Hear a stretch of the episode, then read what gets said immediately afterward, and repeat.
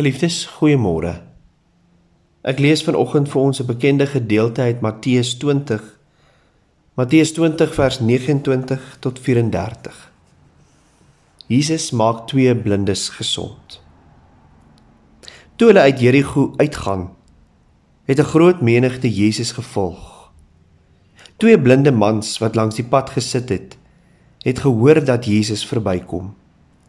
Toe roep hulle uit: Here seun van Dawid, ontferm U tog oor ons. Die mense het met hulle geraas en gesê hulle moet stil bly. Maar hulle het al hoe harder geroep. Here seun van Dawid, ontferm U tog oor ons. Jesus het toe gaan stil staan. Hulle geroep en toe vir hulle gevra: "Wat wil julle hê moet ek vir julle doen?" Hulle sê toe vir hom: "Here, dat ons oë oopgaan." En Jesus het hulle innig jammer gekry en hulle oë aangeraak.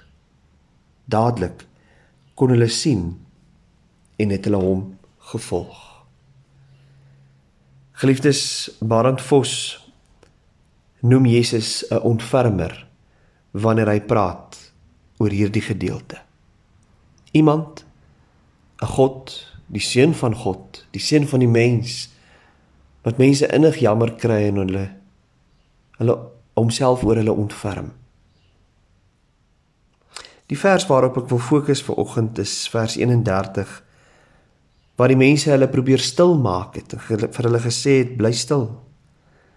En hoe hulle dit geïgnoreer het en al harder geroep het en gesê het Here seun van Dawid ontferm u tog oor ons.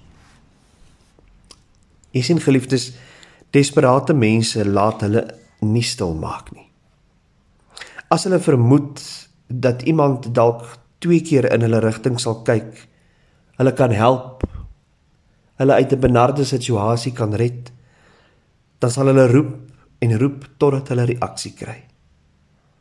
En vir hierdie twee blindes daar langs die pad buite Jerigo was dit die kans wat hulle opgewag het. 'n kans wat hulle nie kon laat verbygaan nie. Want Jesus seun uit Nasaret het nou daar by hulle verbygegaan. En hulle het nie.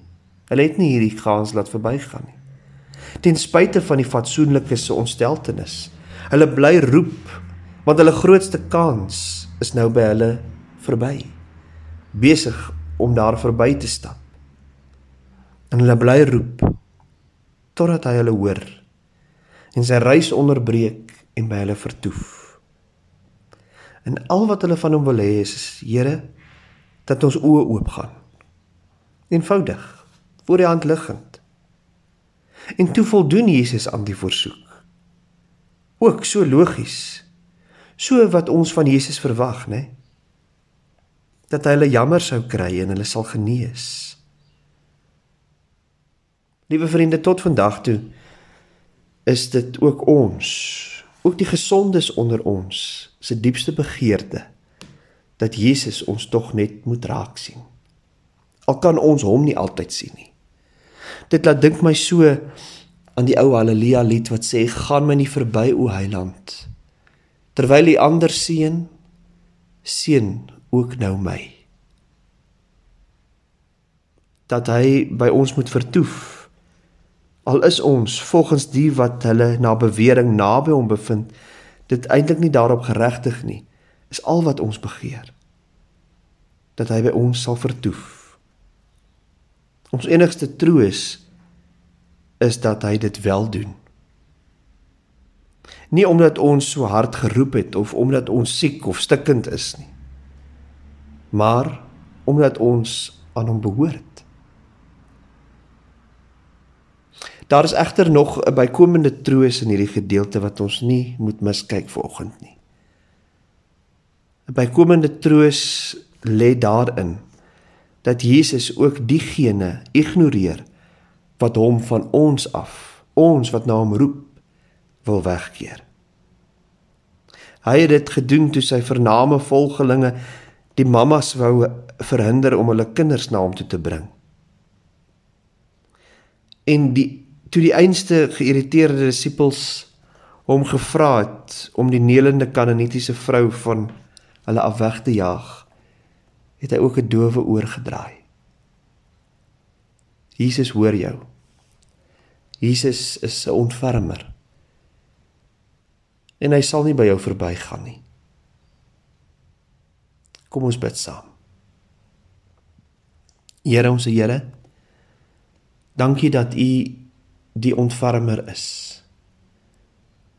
'n God wat ons hulpkrete en hulpgeroep hoor ten spyte van die gedruis van die wêreld rondom ons.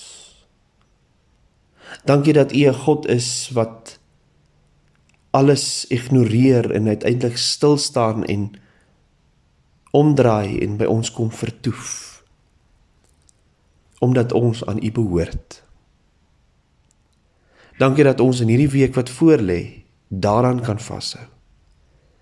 Kan weet dat U 'n God is wat genees. Dat U 'n God is wat naby is. 'n God wat vertoef. Tyd spandeer. Help ons om egter ook in hierdie week tyd saam met U te spandeer. In Jesus naam alleen bid ons dit. Amen.